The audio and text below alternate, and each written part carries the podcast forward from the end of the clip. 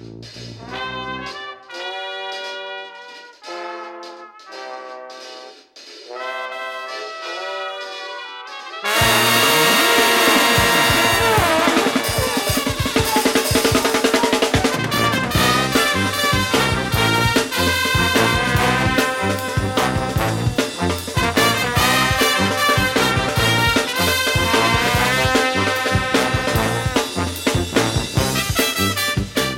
Helo a chroeso i benod 35 o Ysbeidiau Heilog gyda fi, Lee Jones. A fi, Llywyd Owen, lle byddwn ni yn rhoi sylw i'r pethau bach sy'n gwneud gwahaniaeth mawr i ni yn ystod y cyfnod hollol honc o hôn. O, oh, na, beth sydd wedi digwydd? Calan geia, fydde? Calan geia, fydde, mis? Been and gone, yesterday's news. Till lai'n llwyd. Anyway. O'n i'n gofio yn... Um, o'n i'n... Um, Dwi'n gwybod bod hwn yn mynd i ddyddio ein, ein, ein, ein podlesiad ni, ond um, o'n i yn hoffi'r llun o tu a dy deulu uh, yn eich gwisgoedd Calan Geiaf. Gallai jyst dweud yna, ac i unrhyw un sy'n gwrando, cerwch ar, cerwch ar Twitter feed uh, Lee's Jones i weld uh, Lee a'i deulu uh, well, wedi gwisgo lan na i ddweud stori bach am hynna. So, oedd, oedd Aida yn rach, ac oedd uh, Naomi a fyna yn gathod iddi, cathod di. Felly, chmod, mae ni'n tynnu llun o'r trwyn a'r whiskers uh, ar ein gwnebau ni. Ac um, oedd ydi wedi cael parti plant uh, cael ei gef, so oedd Aida a'i chefnryd hi uh, di dod draw. Ac um, just cyn i bawb cyrraedd, oedd na yn lythrenol tua 5 neu 6 smaced tu allan i'r tŷ. Chymod, dyma fi'n edrych allan i'r ffens i weld os oedd pobl yn cyrraedd neu beidio, ond tua 5 neu 6 jyst yn aros tu allan, chymod, checio'r ffoniau nhw, yn amlwg maen nhw'n nhw cwrdd rhywun yna i, i gael cyffuriau. Um, a wedyn maen nhw gyd yn diflannu, ond wedyn hanner awr ar ôl i bawb cyrraedd, dyma'r heddlu tu allan wedi arestio rhywun, ag, um, a dyma nhw'n gofyn i fi os ni wedi gweld unrhyw beth, o'n i'n gwisgo'r ffucking colin ma, siarad i'r dyn heddlu ma, gyda whiskers ymlaen. Nes i dynnu, nes i dynnu oh, clustiau ffwrdd achos o'n i eisiau ddim yn cymryd fi o ddifri, ond uh, yeah, the whiskers dal yna. Oh, anyway. Mae'n stori hilarious.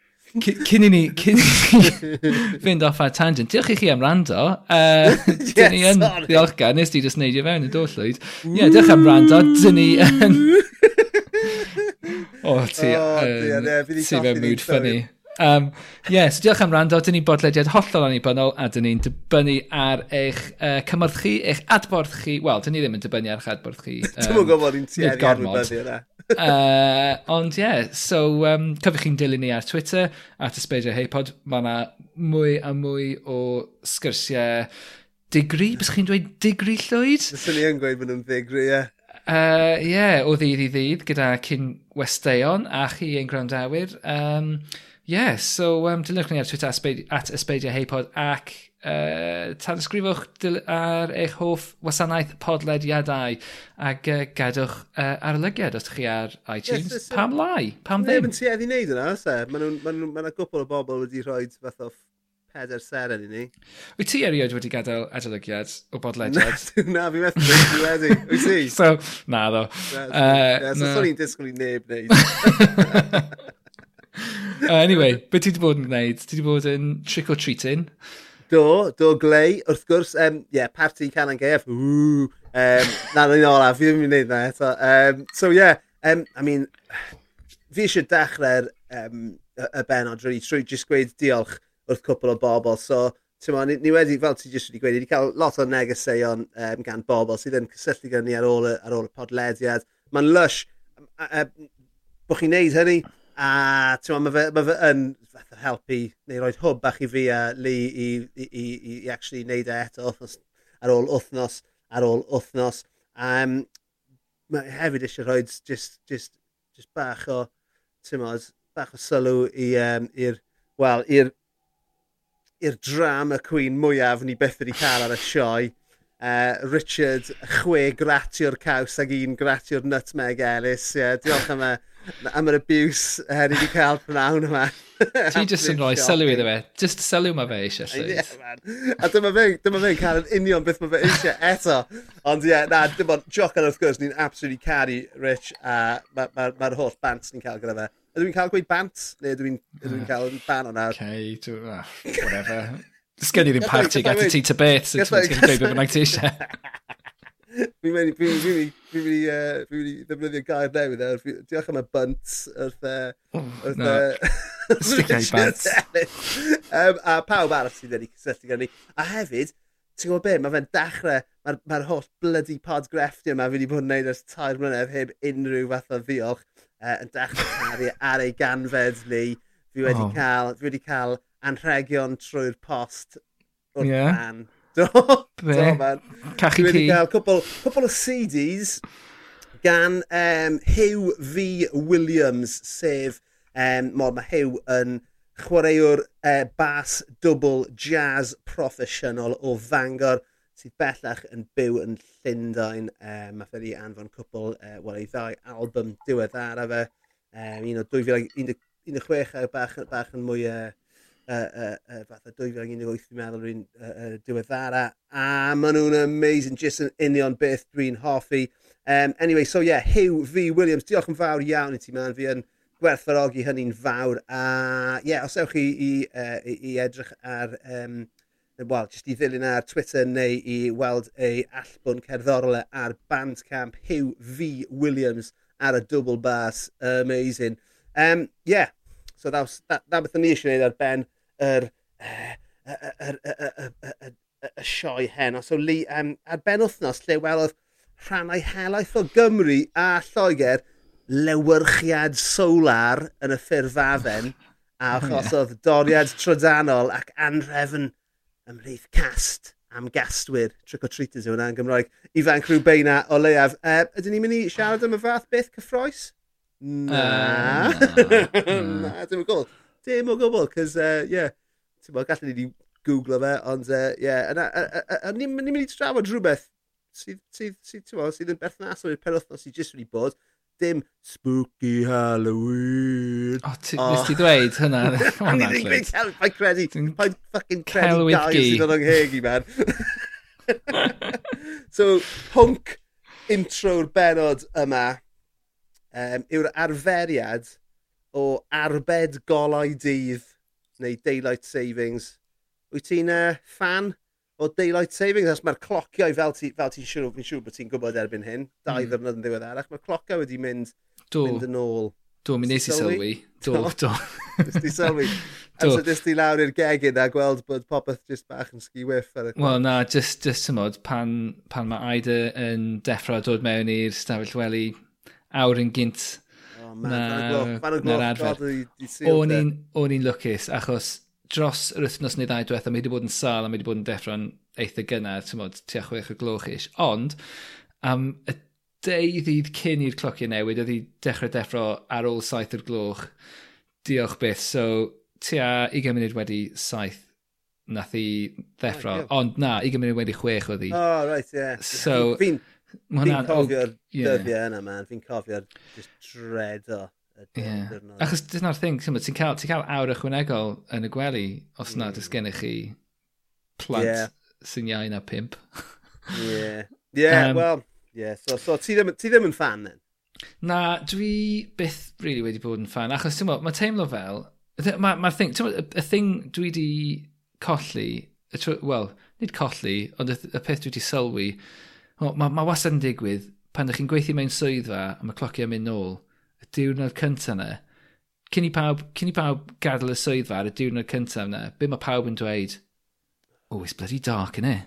It is bloody dark. Oh, it's dark, yeah. innit? Mm. Yeah. So, un, dwi ddim yn hoffi small talk hynny, ychydig fi, cer o'ma, ond, ond dau, mae fe yn dywyll, a mae'n dywyll yn gynharach, chymod, Dwi'n eisiau bod yn rhy amlwg am y peth. Ei. Ond, ond ti'n gwybod, oedd e... Oedd, oedd, pam, pam bod rhaid i ni dioddau e, um, y, tywyllwch yma yn gynharach? Oedd yn o'r reit. Mae'n ddiddorol bod ti'n gweud hynny, achos mae beth ti jyst wedi um, disgrifio, sef bod mewn swyddfa um, a gweithio trwy'r dydd a cyrraedd a gadael mewn tywyllwch. Dyna, dyna hmm. basically, mm. a ti'n obviously, fi, fi jyst wedi Wikipedia'r shit yma ac yn mynd i ail ddweud e nawr. Ond dyna, dyna, dyna, dyna sydd wrth roedd um, y hmm. syniad yma yw pan um, nath, ar ôl y chwildro diwydiannol te, a mwy o mwy o bobl yn gweithio mewn ffatrioedd, um, a wedyn, uh, uh, uh, yeah, ffatrioedd ar lawr pyllau a stwff fel un, ti'n mynd y gwaith oedd yn mynd ymlaen. Um, so, ymdrech i roed mwy o amser hamdden i weithwyr oedd y syniad o daylight savings. Um, yeah, hynny felly, gwrs, yn, yeah. yn ystod yr haf, felly. Ie, yeah, yn ystod yr haf. I mean, sa'n gwybod beth sy'n digwydd yn ystod y geiaf. Wel, y geiaf, dyna ni. Dyna'r thing. Yw, y geiaf yw'r default, a'r haf yw, o, oh, yeah. okay, dyma, dyma, dyma sut ni'n gallu... Dyn yeah. ni'n mynd roi awr ychwanegol i chi o olau yeah. yn ystod... Even i tanko, uh, basically. Ie. Yeah. Ond, pam nad ydyn nhw jyst yn cyfaddau, nath nhw gael uh, yr amser greiddiol yn anghywir Yeah. A just dweud, oh na, sorry, mae hwn yn wrong. Mae yna ymgyrch, ti wedi gweld y, y Double Daylight Savings. Uh, yeah, no, ar, ar, dy, ar dy ymdaith Wikipedia. Yeah, yeah. so dyma'r dyma, um, uh, y syniad yma o rhoi ni ar British Summertime yn ystod y, y geiaf, yeah. a wedyn dyn ni'n awr ymhellach wedyn yn ystod yeah. uh, yr haf. A dwi'n meddwl, ie, yeah, dylen ni fod yn hynny. A'r unig beth, yr unig beth sy'n stopio hynny yw sentimentaliaeth ar holl chymod, cysyniad yma o Greenwich Mean Time yn bod yn, chymod, e, e, rhoi, e? rhoi, rhoi, ie, ydy, mae fe, rhoi, rhoi, Prydain, rhoi Prydain yng nghanol y byd yeah. yw beth, yeah. yw beth yw e. Ac, um, look, well, yeah, look where that got us. oh, bloody hell, yeah. Uh, ond, yeah. ond ie, yeah, ond dyna'r thing, dwi'n meddwl, dwi'n dwi, dwi fan mawr, os, os ydyn ni'n mynd i newid y cloc, ie, yeah, chymod, mae gyfle i ni roi pethau'n iawn, Get on yeah. double daylight savings. Double daylight. Dyna yeah. be dwi'n dweud. Nawr mae hwn, hwn hefyd, wrth gwrs, dim ond yn effeithio ar um, bobl sy'n byw ar yr un... Sa'n gwybod beth yw'r beth yw gair... Um, ar yr un... Um, lein oh. round y byd.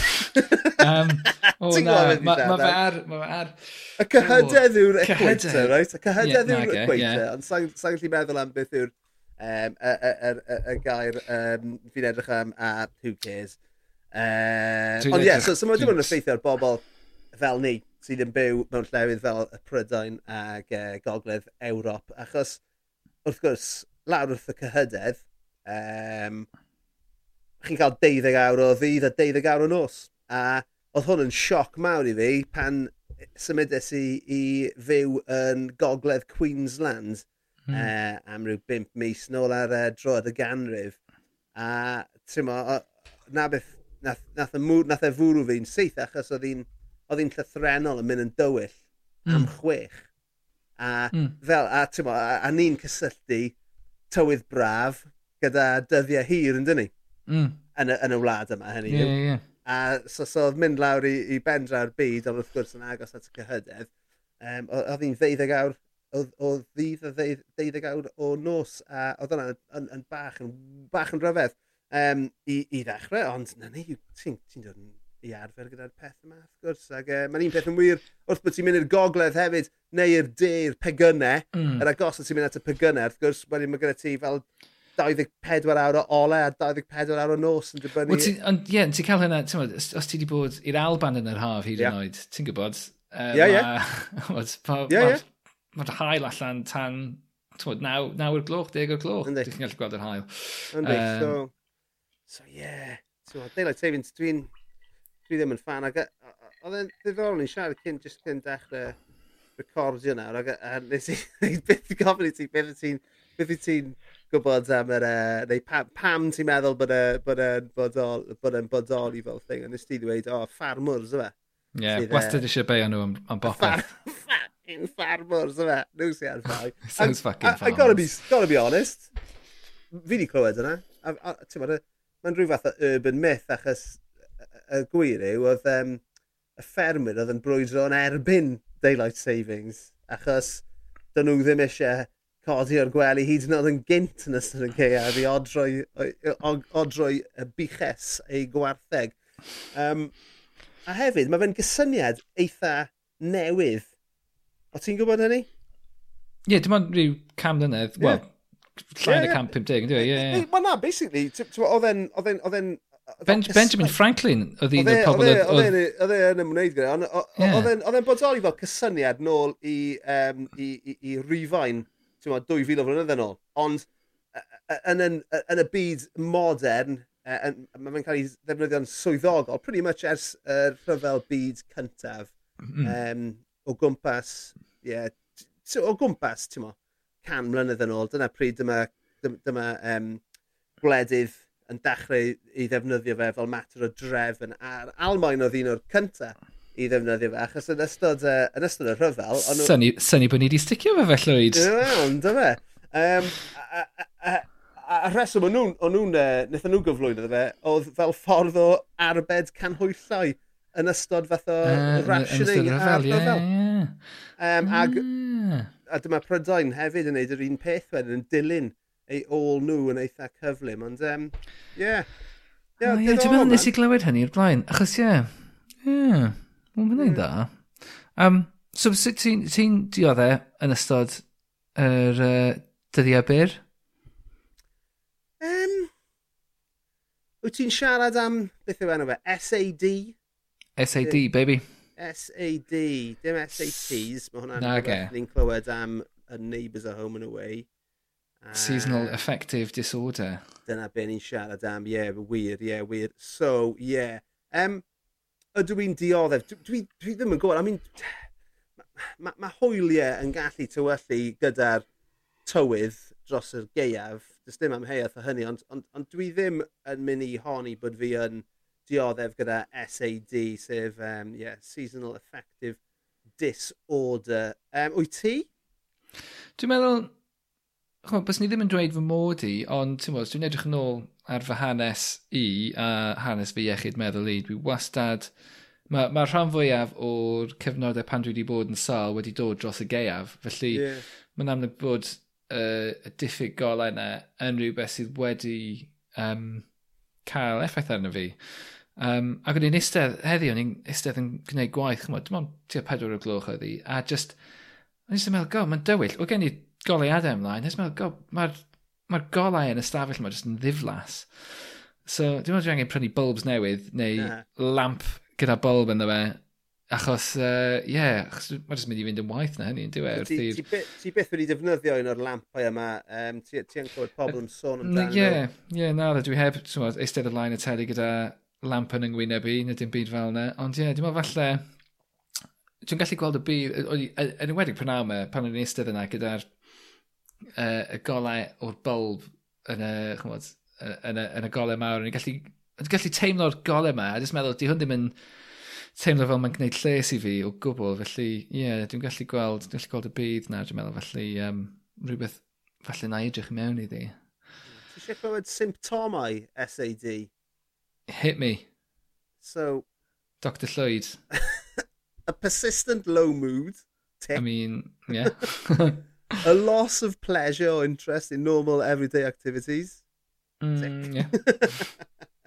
irritability, fucking hell yeah, Yeah.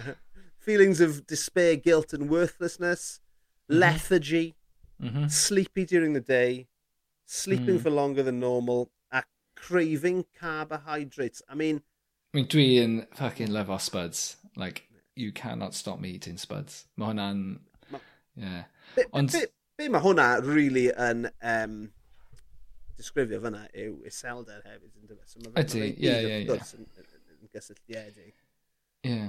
Ie, a dwi'n meddwl, meddwl nôl, pan, pan dwi wedi bod yn, yn sal a dros y gef, un o'r pethau mawr yw uh, yr eisiau mae i gysgu. Ti'n gwybod, dwi'n dwi'n cofio um, prydau pan dwi'n cyrraedd adre o waith, a just, just yn gorwydd ar y gwely ac yn cysgu am awr cyn, chybod, cyn ddeffro wedyn gwneud swper a watcha teledu neu rhywbeth.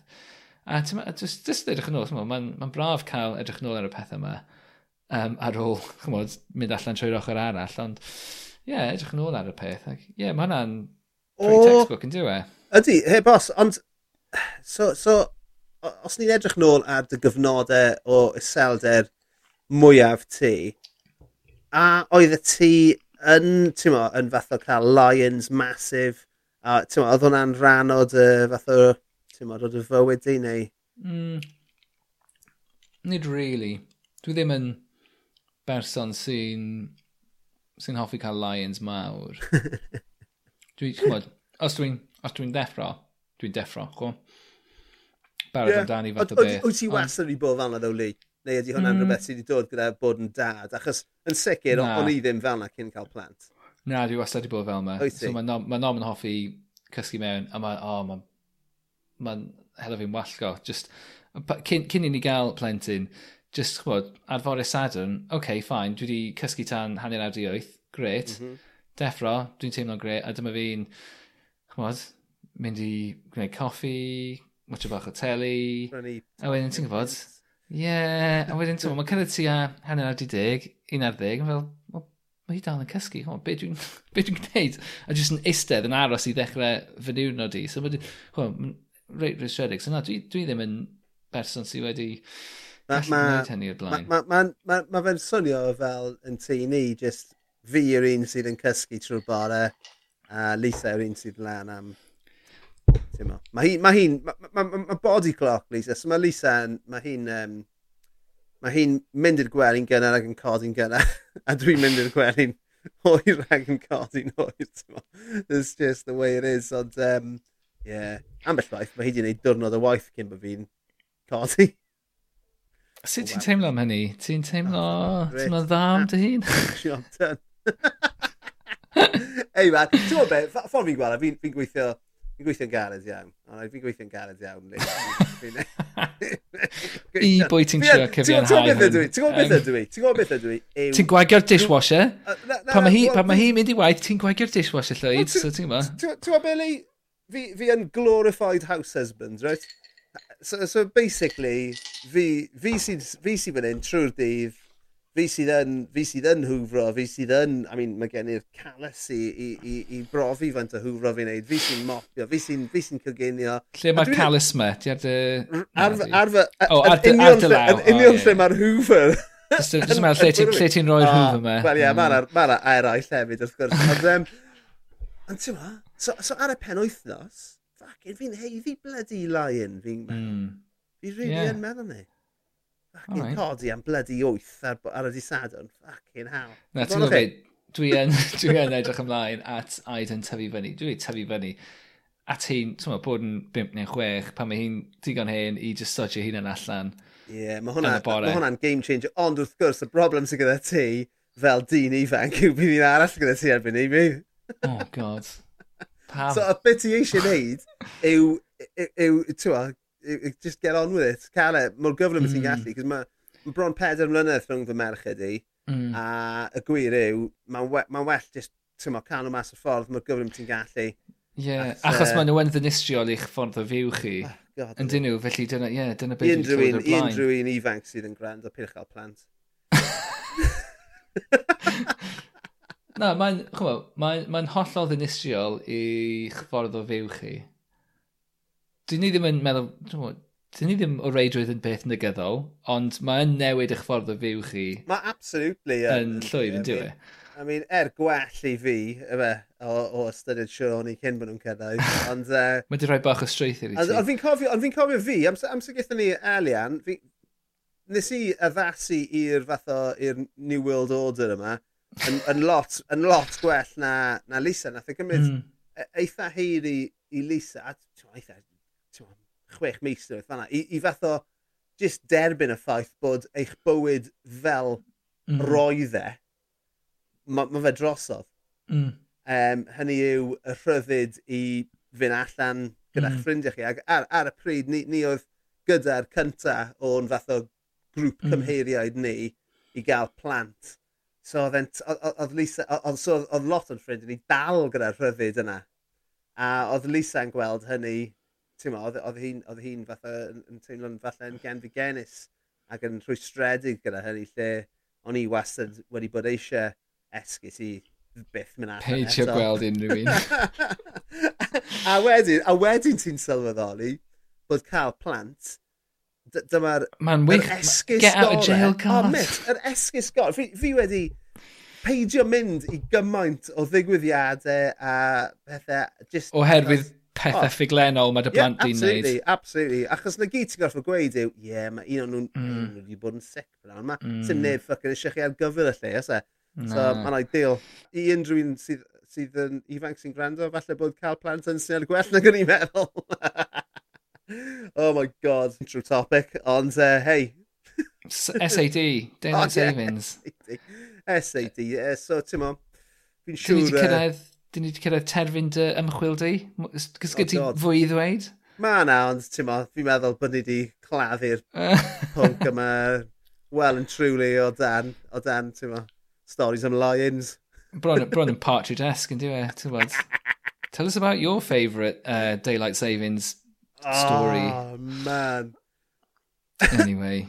Siarad yn partridge, y lein gorau fi'n meddwl, o oh, ie, yeah, Mid-Morning Matters, y, y, y gyfres yna lle mae fe'n y radio gyda Sidekick Simon. Um, lle mae fe'n gofyn i'w rand awyr e, uh, which one's your favourite munger? Iron? Fish. Fish or war? War. Absolutely yeah. amazing. So yeah, dyna ni, nawn ni, nawn ni just dod hmm. o'n popeth i glof yna. Ac um, ie, yeah, nawn ni symud mlaen, ma, ma, ti'n ma, So beth, pwy, sy'n mynd i gynta? Ti neu fi? Fy newis i, na i fynd gynta. Cef ti'n gynta. Dy, dy anref yn llwyr di mewn munud. Ond ie, yeah, beth sy'n i bod yn gwneud fi yn hapus um, dros yr wythnosau diwetha yma, really, yw dychweliad uh, gŵr chwedlonol ginge cynifol i Twitter ar ôl blwyddyn o dawelwch.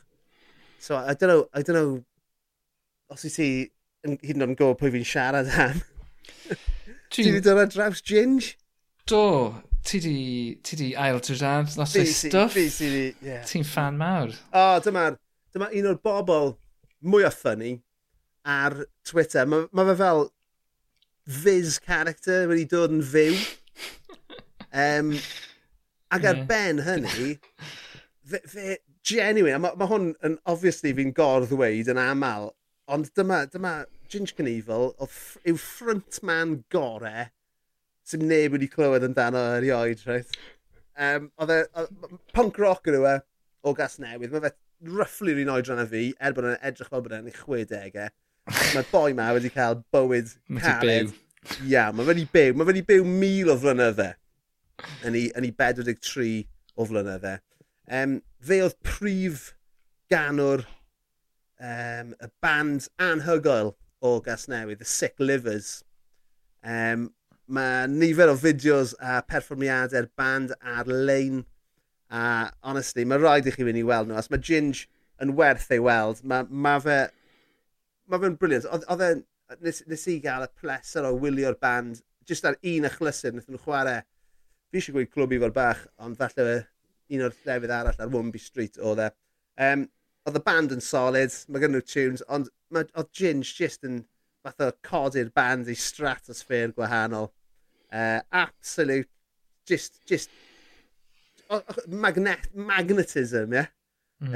Oedd gyda fe. A, um, llais cryf dy fe uh, Yamox diben draw, ti'n mo, slim on mics, sling on mics, stage diving, a uh, ti'n mo, dim byd o'n lleder a denim yn bob man. um, so ie, yeah, ti'n mo, mae fe jyst yn, mae'n jyst yn gris. Ond fel, wedys i, nath e ddiflannu o Twitter am flwyddyn, a um, mae Ginge Um, nes, i, nes i gwrdd fe ar cwpl o chlasuron a cael chat dy fe. Mae'n fwy hyfryd iawn. Uh, family man, plant ci, graig, etc. Um, a mae fe wedi syffro gyda bipolar a uh, gorbryder a pethau, pethau fel yna. Mae fe, ma fe wedi bod mewn y mas o sefydliadau, um, salwch meddwl, ers cwpl o fynydde, oedd wedi gorfod gadael y band, neu oedd y band wedi dod i ben achos hynny. A, a wedyn nath e ddiflannu. Um, achos oedd e, e-, er e, er bod e'n dioddef gyda salwch meddwl, oedd e dal ar-lein ac oedd e dal yn trydar a oedd e hefyd yn ysgrifennu blog wythnosol o'r enw The Bipolar Rock and Roller. Um, oedd wastad yn... Oedd wastad yn just yn, yn, yn wych i ddarllen. A wedyn, fel wedys i, nath e, nath e, nath e just stopio trydar. Um, A o bryd i'w gilydd, bys o'n i'n meddwl amdano fe, achos o'n i'n meddwl, oh, fuck, ysgwn ni, ysgwn ni beth sydd wedi digwydd i Ginge? Ysgwn mm. ti'n gwybod, gobeithio bod e'n orau, genuinely, gobeithio bod mm. y boi'n orau, o, o bod ei hanes e. A wedyn, o'n mynd lle, ar dechrau, neu diw, diwedd mis Medi, um, nath e just dod nôl i Twitter. Um, Fe, fel, nath e, nath e neud rhyw ddatganiad, neu just really carry ymlaen e fel... Nath e fod nôl fel bod e literally di bod yn tred ar y dyrnod cynt. Sef y ffordd o'r ei wneud. Uh, Ond yeah. mae fe'n ma fe amlwg wedi dod nôl. Mae be bynnag oedd wedi digwydd yn ystod y flwyddyn yna wedi helpu e. Mae ma fe... Ti'n gallu jyst gweld o'r lluniau, mae fe'n posib lot o luniau hynna, mae fe'n edrych yn iach. Mae fe... Uh, mae, ma, ti'n jyst gweud o'r tôn ei negeseuon yna. Bod e, yn hapusach ei fyd. Um, a ti'n falle bod e wedi cael y cyfuniad iawn o feddyginiaeth i helpu ei gyflyrau fe. E, mae fe wedi ffeindio rhyw fath o gydbwysedd. A dwi'n dwi, dwi, dwi erfyn ar bawb sy'n gwrando ar y benod yma i ddechrau ei ddilyn e. Um, yn bennaf achos mae fe'n fwy da, reit? So mae fe'n ma fe llawn hiwmor. Uh, mae fe'n rhyfeddol o wlad garol. Uh, Oedd e'n trydar am Dafydd Iwan dyn nhw'n o blaen, er, er nad yw e'n siarad Cymraeg. Um, mae fe hefyd, mae fe'n graff, mae fe'n ma fe glyfar, um, mae'n ffwti fan mawr, mae fe'n postio'n ddyddiol am y gerddoriaeth, mae fe'n gwrando arno. So, ti'n meddwl, bys fe'n grit, sa'ch chi'n gallu pawb mynd i ddilyn Ginge Cynifol, just, just i sort of ffrico fe mas. Uh, a iddo fe fel, pam yn y ffucking byd byddai'n cael llwyth o ddilynwyr Cymraeg newydd. Um, so, yeah, please, cerwch chi i ddilyn Ginge, byddwch chi ddim yn dyfaru gwneud. Um, So, ie, yeah, dyna, dyna beth sydd wedi bod yn gwneud fi'n hapus yn diweddar. Ginge Cynifol. Ti'n meddwl gallai ti erioed uh, cymryd cam yn ôl o Twitter am flwyddyn? Um, na. Ti'n meddwl be, fi'n, fi fel ti'n gwybod, fi yn cymryd mm. uh, penwythnosau off yn, yn reit aml, yeah, just yeah, yn yeah. datgysylltu. Um, Ond y, y broblem sydd gyda fi a ti o wneud hyn yw bod gyda ni rhywbeth i werthu. Mm, yeah, mae gennym ni... O ganlyniad, yeah. mae ma, ma bod ar, ar Twitter, ar Facebook, ar Instagram, mae fe'n rhan anatod o rannu ein podlediad. Mm. Mae'n rhan anatod i fi o, o rannu fy llyfrau. Um, Ti'n so, so, yeah, mae'n ma, ma, ma really anodd i ni i ddatgysylltu. I mean, fi, fi yn fi'n caru, um, er enghraifft, rhywun fel Rod Gilbert, sydd uh, mor aloof i cyfryngau cymdeithasol. Mae'n ma, hilarious. I mean, fi'n fi gwrando ar ei bodlediad e, uh, e a Sian, um, ehm, ei roigau, Sian Harris yn i'w, um, ehm, ma, um, Froth. Froth, yeah. Yeah. Froth pod, podcast. Sydd yn, just yn, absolute, just fel ti a fi heno yn siarad absolutely ddim byd yma. Um, ond ie, mae Rod, ma Rod yn hollol, hollol aloof a wedi datgysylltu'n llwyr o'r byd yna. A mae yna rhywbeth really romantis am hynny. Ond mm. wrth hmm. gwrs, ond wrth gwrs mae Rod, does dim angen Twitter a Rod Gilbert i werthu 10,000 o docynnau. Nag oes, nag oes. So, dyna'r gwahaniaeth, dyfa. Ie. Yeah. Yeah. Wel, ty beth. Ond ie, yeah, i, i fi, yr arwydd bod fi'n Mae'n weird. Os dwi'n os dwi'n sal, dwi'n trydar mwy. Oes ti really? Ac os dwi'n wow. dwi'n well, dwi... Rhan amla, dwi'n trydar llai. Dyna beth dwi wedi sylwi dros y blynyddoedd. Ddiddorol iawn. Dwi'n dwi gwrthwyneb llwyr y ti. Mm, ie, yeah, dwi'n meddwl mae lot o bobl yn, yn yr wrthwyneb i hynny. Ond ie, yeah, dwi'n... Ie, yeah, dwi'n mynd mwy a mwy online os dwi'n mynd yn sal. sâl. Weird oh, o wai. Mae'n ddiddorol iawn, i gyd yn wahanol yn dyn so... Ond dyna fi, dyna fi'n rhoi'r uh, rhoi sain i ti nawr. Felly os dwi'n dwi trwy'n ar gormod, yeah. ti'n gorfod camu mewn a dweud... A fi just, just meddwl. Iawn. Ti'n alright, mate. OK, hei man, gwertha fi, uh, beth wyt ti wedi dewis fel y peth sy'n neud ti'n hapus yr wythnos hon? Wel, Um, Dwi'n gwybod os ydy ti wedi sylwi yr wythnos diwetha, ond mi oedd hi'n cael ein gaeaf llwyd. uh, ond uh, yn, yn, yn, yn, ynghlwm â hynny, um, o'n i, o'n i gwrando i gan yma o'r enw Halloween gan King Diamond ac uh, nes i just syrthio lawr y twll yma, a meddwl, bloody hell, dwi'n caru King Diamond a dwi wedi bod yn gwrando ar King Diamond trwy'r wythnos so dyna fy newis i yw King Diamond. Um, King na, Diamond. Os, Mae angen mwy na hynny, achos o'n i... Yeah, so... Ti'n gwybod beth, o'n i byth i clywed am King Diamond. Wel, dyma ni. So, so King Diamond yw... Os, os ydych chi'n gwrando ar, ar metal, ydych chi'n gwybod pwy yw King Diamond, mae fe'n andros o ddylanwadol o fewn byd metal. Nath, um, uh, nath e ddechrau, mae'n ma dod o Denmark, um, a nath e ddechrau yn y 70au hwyr, 80au cynnar mewn band o'r enw Merciful Fate sydd yn cael ei weld fel arloeswyr yn y byd metal trwm cynnar. Ac um, un o'r pethau oedd e'n gwneud oedd gwisgo corpse paint, chmo, fel y paint gwyn a di ar ei wyneb. A fe oedd un o'r bobl cyntaf i gwneud hynny yn y byd metal. Felly o fe a'i ddylanwad e, mae'r bandiau black metal i gyd yn dechrau gwisgo fe a, chmo, a, a pawb arall. Ond, ond fe oedd y, y, y person cyntaf o fewn y byd metal, chmo. Anghofiwch Alice Cooper, achos rock oedd Alice Cooper, ond ty beth. Um, ond o Missful Fate, so oedd Missful Fate yn un o fandiau, un o hoff fandiau Metallica, nath nhw wneud album covers yn y 90au yn y Gary Jink, a nath nhw wneud cover un o ganeuon Merciful Fate. A maen nhw wedi cael King Diamond um, ar, ar lwyfan gyda nhw i chwarae ei ganeuon ef. Chymod, dyma, dyma pa mor faint o barch sydd ganddo fe o fewn y byd metal. Um, so ar ôl i Merciful Fate chwalu, nath, e, nath ni ddechrau band newydd a just enw, enwi'r band ar ei ôl e.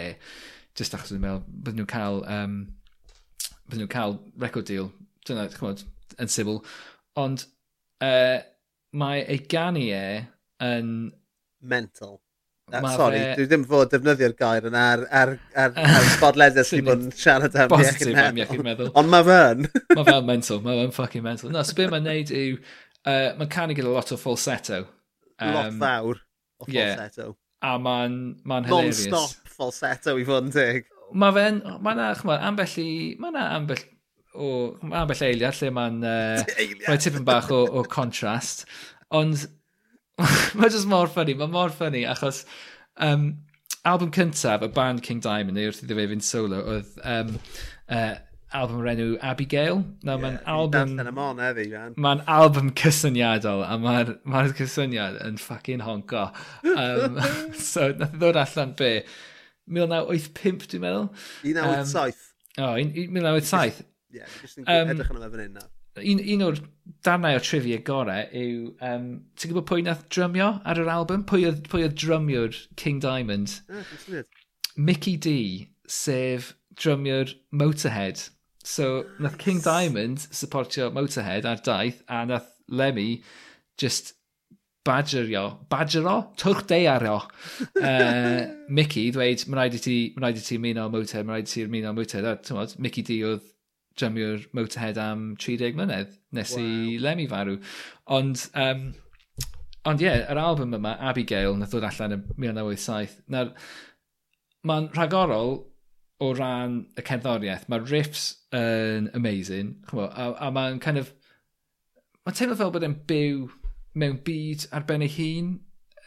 Os ydych chi'n kind of meddwl am, am hanes metal a beth oedd yn digwydd yn byd metal ar, ar y cyfnod hynny, mae'n kind of byw ar, ar ryw ynys yn bell o, o pob dim arall cyfredol o'r, or pryd. Um, ond, ie, uh, yeah, y cysyniad yw, mae'n ma, ma, ma stori am gwpl sydd yn uh, briod, Jonathan a Miriam, a maen nhw'n... Uh, mae Jonathan wedi etifeddu tŷ, a maen nhw'n mynd i'r tŷ yma i, i hawlio ei, uh, ei etifedd nhw. Ac um, mae yna, be, mae yna ysbryd be, uh, rhywun heb pen ar gefn ceffil, dwi'n meddwl, yn, yn, yn uh, dweud wrthyn nhw i beidio, fynd, i beidio mynd, ond dyma nhw'n mynd be bynnag, ac uh, beth sy'n digwydd, mae fel... Ti'n gallu ti'n darllen, mae fel ffilm arswyd. Gan i fi ddarllen un pennill o'i ti o'r, or, uh, gan The Seventh Day of July 1777. So hwn, ie, yeah, so y gan yma yw, chmod, y, y prif gan yn yr album. Hwn yw beth sydd yn datgelu beth na ddigwydd yn y tŷ yma cyn iddyn nhw fynd yna. So mae, ma, yng nghanol y gan, mae'r ma pennill yma. The Countess broke her neck and the embryo came out dead. Then he burned his beloved wife and the embryo he gave a name.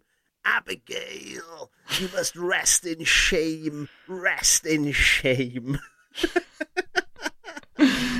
so ie. Oh, fucking. A fi ni gwybod, nes i wylio'r uh, fideo i fyng gyda fe, a, a darllen y lyrics wrth ddeis. Mae'n amazing. Fuck me, man.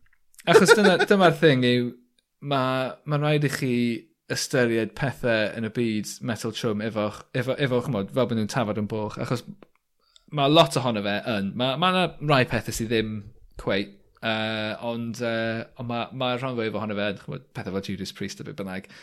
Um, Ond ie, yeah, so mae ma hwn jyst yn ticio boxes i gyd. Mae'n camp, mae dros ben llestri. Um, yn weledol, mae'n rhagorol, ti'n bod. Um, dwi wedi gweld King Diamond dwywaith. Um, Yn ble? Ma, nes i weld tro cyntaf oedd yn Bloodstock, um, chymod, gwyl awyr agored. Um, o, oedd hwnna'n, oedd hwnna'n ddiwrnod hir. O, um, o, fyddi hel. oedd King Neu. Diamond ar y bil? Oedd e headline, headline headlining. headline, headline. in. Yeah, pa flwyddyn? 2013. Woo! Um, Sa'r so, boi so, yn ei 70 erbyn hyn. Ydy, mae fe. Mae fe just... Uh, mae 69 neu rhywbeth dwi'n meddwl yw e. Uh, nice. Um, ond ie, yeah, ond yn 2010, nath e gael um, triple heart bypass. No way. So, dyma fe, chymod, time mlynedd wedyn, yn teithio'r byd yn headline o wow. gwyliau awyr agored. So, nes i weld e wedyn, a nes i weld e hefyd, falle 2015 yn Kentish Town Forum a honestly hwn oedd un o'r gigiau gorau dwi erioed wedi gweld. Just yr holl, yr holl brofi. Ti'n meddwl weithiau mae yna, just, mae just pob dim mewn noson, mewn gig, just yn, oh, mae just, mae just pob dim yn mynd yn llyfn. So, oedden ni, oedden ni allan yn cywio i fynd mewn, achos oedd yna cyw anferth i fynd mewn, so sydd just yn, obviously, poen yn y tîn, achos oedden ni'n gwybod, oh, wel, mae'r support band yn dechrau. Y support band oedd band o'r enw Angel Witch, sydd yn band uh, Nawabam, New Wave of British Heavy Metal. Uh, chymod, maen nhw'n ma nhw eitha enwog. Mae ma gennyn nhw gan o'r enw Angel Witch. So Angel Witch gan Angel Witch. A mae'r git gan yn mynd, you're an Angel Witch, you're an Angel Witch, you're an Angel Witch, you're an Angel Witch. A mae'n, chymod, mae'n glasur, chymod, mae pawb yn, ie, yeah, mae fe'n hollol jeans. Mae fel bad news. Nw, mae, nw, mae fe yn hollol fel bad news. Ond, Ond mae'r ma, gan hynny yn, chwod, mae'n anthem. Mae pawb yn caru'r gan yma. A dyma fi... Fi'n Nod yn gwybod y geiriau. Ie. Ond dyma fi'n mynd mewn, o'n i, on i eisiau cwrdd â fy ffrind. So, oedd ffrind fi wedi dod o um, Caeredin i, i ddod i weld y gig ma. Ac um, o'n i'n meddwl, shit, mae'r lle ma'n llawn. Oedd hi'n llawn dop, ti'n gwybod, dyna pan mae'n cyw ti allan. Ma, dwi byth mynd i ffeindio fe, a dwi'n cerdded trwy'r dorf, ti ar ffrant, a mae just mae fel y môr goch yn agor ymlaen i, a dyna fe jyst yn sefyll yna ar ben ei hun, jyst wrth i'r gigan yma dechrau, a a'n meddwl, mae hwn yn, ma hwn yn ffawd, hollol, hollol amazing o, o brofiad, chymod, euphoria llwyr i ddau ohonyn ni wrth i ni ffeindio'n gilydd, ond wedyn, um, ar ôl i King Diamond dechrau, nath King Diamond chwarae un can, a nath e ddweud wrtho fi, ti eisiau paint? be? Ti'n gwybod, dyn ni'n gallu symud, mae just gormod o bobl yna. Does dim ffordd ti'n mynd i fynd i'r bar a wedyn dod nôl. Last I saw of him. Wel, dyma ni llwyd. On. Tua pedwar can ar ôl hynny, dyma fe yn dod nôl trwy'r dorf gyda pedwar peint. So dwy iddo e fe a dwy fi, a mae di, a, a, a, a, a, a, a, a, a, mae'r ma peintiau yn llawn hefyd. dy heb tasgu dim diferyn ohonyn nhw. a mae'n cyrraedd nôl ato fi. A felly, ti'n bod, y euphoria na o ffeindio fe yn y lle cyntaf, o hwn ein un peth, ond o hwn yn euphoria ar lefel hollol wahanol. Chymod, gweld band o'n i'n caru'r cyneuon yn rhoi sioe, chymod, gwledd weledol i, i, i, i chi. A dyma fe jyst yn dod, ymla, dod allan o'n unlle gyda dwy beint. Oh my god, oedd yna yn, oedd yna really yn honestly, top three gig experiences, King Diamond. Oedd e'n wych. So yeah, so mae wedi bod yn wych. Just, just cael, um, just, yeah, just meddwl, uh, just, just gwrando ar King Diamond eto. Chos dwi'n caru'r cyneuon, a yeah. F funny bod ti wedi uh, crybwyll uh, bad news fyna. Achos, fi wedi gwylio 3 neu 4 o, o fideos nhw nawr. A mae yna ma sŵn, uh, mae ma, ma, ma sŵn y bas ar lot o'r gyneuon yn swnio neu'n atgoffa fi o'r bas a'r caneuon bad news. Wel dyna o le maen ma nhw'n cael e, ti'n gwybod? Ie, yeah, wel, ti'n gwybod, yn amlwg, oedd um, er bod fi heb clywed am King Diamond uh, tan wythnos diwethaf, mae ma, ma ddylanwad yn anferth a un dwi hmm. ddim yn gwybod, bad news um, yw um, the young ones basically yn neud parody o heavy metal bands dros dwy ffilm Um, Sa'n lli cofio os maen nhw'n awr a hanner yr un neu awr yr un. Ond... Ti awr o dde thingy Comic Book Presents, yeah, Comic Strip so, Presents. so, so, so dwy awr, yeah. dwy ffilm, awr yr un, um, yn dilyn hanes band o'r enw Bad News gyda um, Adrian Edmondson ar lead guitars a, a yn canu Fim Fuego oedd enw'r cymeriad. Um, Rick Mail yn chwarae'r bass. Yeah. Neil beth yw enw Neil? Uh, oh, cofio. Yr um, actor. Anyway, Neil... Nigel Planer. Nigel Planer, fe yeah. ar um, rhythm guitar. A beth yw enw'r um, drummer? Um, boi, boi oedd, yn, oedd wedi... Peter Richardson, ie? Yeah?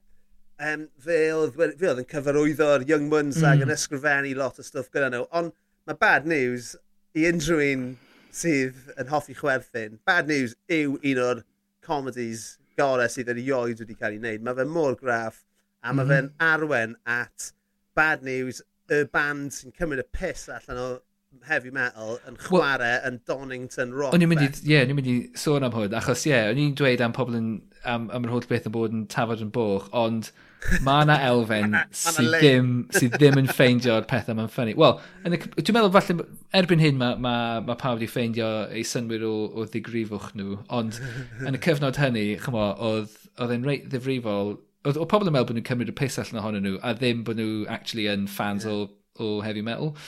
Ond ie, uh, yeah, chymo, boteli o pus, uh, pethau fel yna. ond ie, yeah, fi'n siŵr bod e allan fyna i wylio Um, os ych chi'n... Os ych chi... Mae chi'n gallu cymaru fe'n reit ffafriol gyda Spinal Tap, fi'n meddwl. Ti'n fi'n mae Spinal Tap yn absolute stone cold cinema classic, ond mae mm. ma bad news. Um, uh, I fi, fi'n fi meddwl bod yn fwy doniol. Ond well, dwi, uh, dyna ni. Dwi'n meddwl, nath, um, nath uh, y ffilm Bad News gyntaf dod allan y blwyddyn cyn Spinal cyn Tap. Spinal Tap, really, oh, really, o'n i ddim yn yeah. gwybod. Ond anyway, anyway ni wedi mynd, mynd ar dangent fel arfer. So yeah, King Diamond, Ble bys ti un, un fans ni, i unrhyw un sydd ar ôl yn, yn gwrando erbyn hyn. uh, ble bys nhw ddechrau? Ie, yeah, wel. Efe Abigail yw'r lle Abigail, ie, yeah, Abigail di'r un. Ac, um, chmod, darllenwch y lyrics wrth i chi rando, achos, achos mae'n ma cymryd amser i chi tunio fewn i'w laisau, chmod, just fel unrhyw beth, ond unwaith ti'n ti dysgu be mae laisau yn swnio fel, chmod, a ti'n gwneud hynny wrth, wrth darllen lyrics tra bod yn canu. Yeah.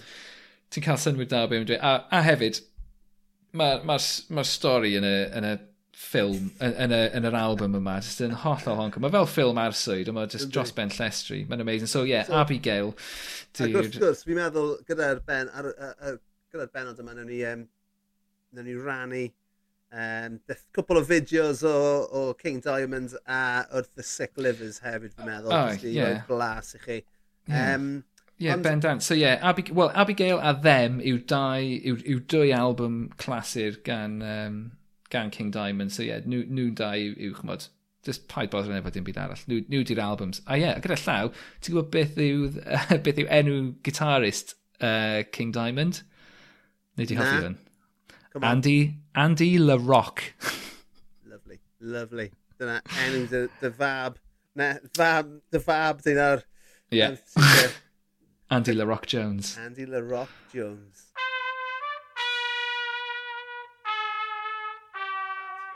Dyna ni fi'n meddwl am heno. Uh, diolch i chi gyd am rando. Diolch ti Lee am dy gwmni di ac am gyflwyno fi i King Diamond a'i uh, ddiffyg ceilliau.